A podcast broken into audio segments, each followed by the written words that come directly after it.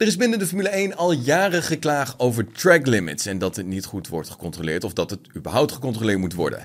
Ja, de FIA hoopt door middel van kunstmatige intelligentie AI de track limits wel beter te controleren. De Remote Operations Center, de ROC, gaat dit weekend weer worden ingezet. Ja, dit weekend is het ook weer tijd voor Goedemorgen GP-fans. Om 10 uur deze zondag zijn we er weer met onder andere Larry ten Voorde en geven wij ook nog twee keer de game F1 23 weg. Kans maken? Laat in de comments even weten voor welk platform jij graag de game zou willen hebben. En kijk deze zondag om 10 uur of jij de winnaar bent van die gloednieuwe F1 game.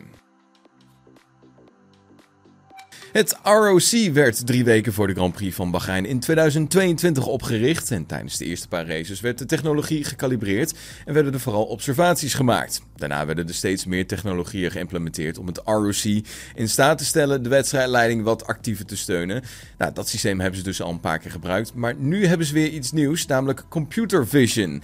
Deze AI-software berekent door middel van vormanalyse het aantal pixels dat over de track limits gaat. Deze kunstmatige intelligentie zal vervolgens steeds beter leren over wat wel of wat niet een overschrijding van de baangrens is.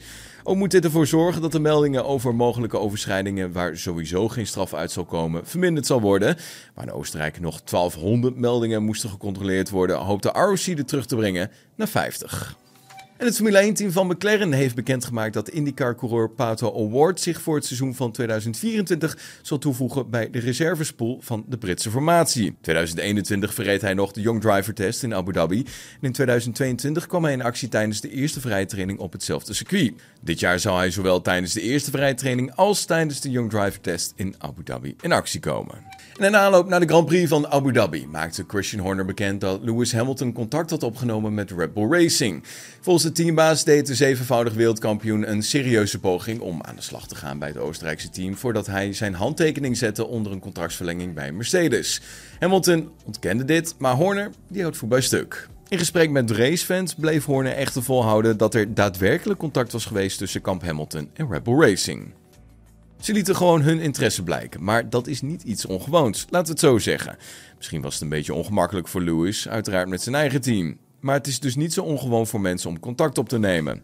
Ik ga niet in detail op waar, wie en waarom, maar misschien deden ze hun werk niet als ze geen contact hadden opgenomen. Ik zou behoorlijk verrast zijn als ze Lewis hier niet over hadden geïnformeerd. Maar je weet maar nooit hoe managements te werk gaan met verschillende atleten.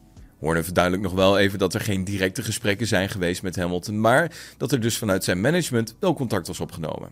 Er waren geen geheime ontmoetingen met Lewis om te praten over rijden voor Red Bull, al dus Christian Horner. Tijdens voor dit weekend. Uh, vandaag om half elf is het tijd voor de eerste vrije training. En om twee uur is het tijd voor de tweede sessie. De zaterdagtraining begint om half twaalf, een uurtje later dus. En om drie uur is het tijd voor de kwalificatie. De race, de laatste race van dit seizoen, de Grand Prix van Abu Dhabi, begint deze zondag om twee uur in de middag. Vond dit een leuke aflevering? Vergeet ons dan zeker niet te volgen. En dan zien we je vanmiddag weer. Tot dan. Hoi.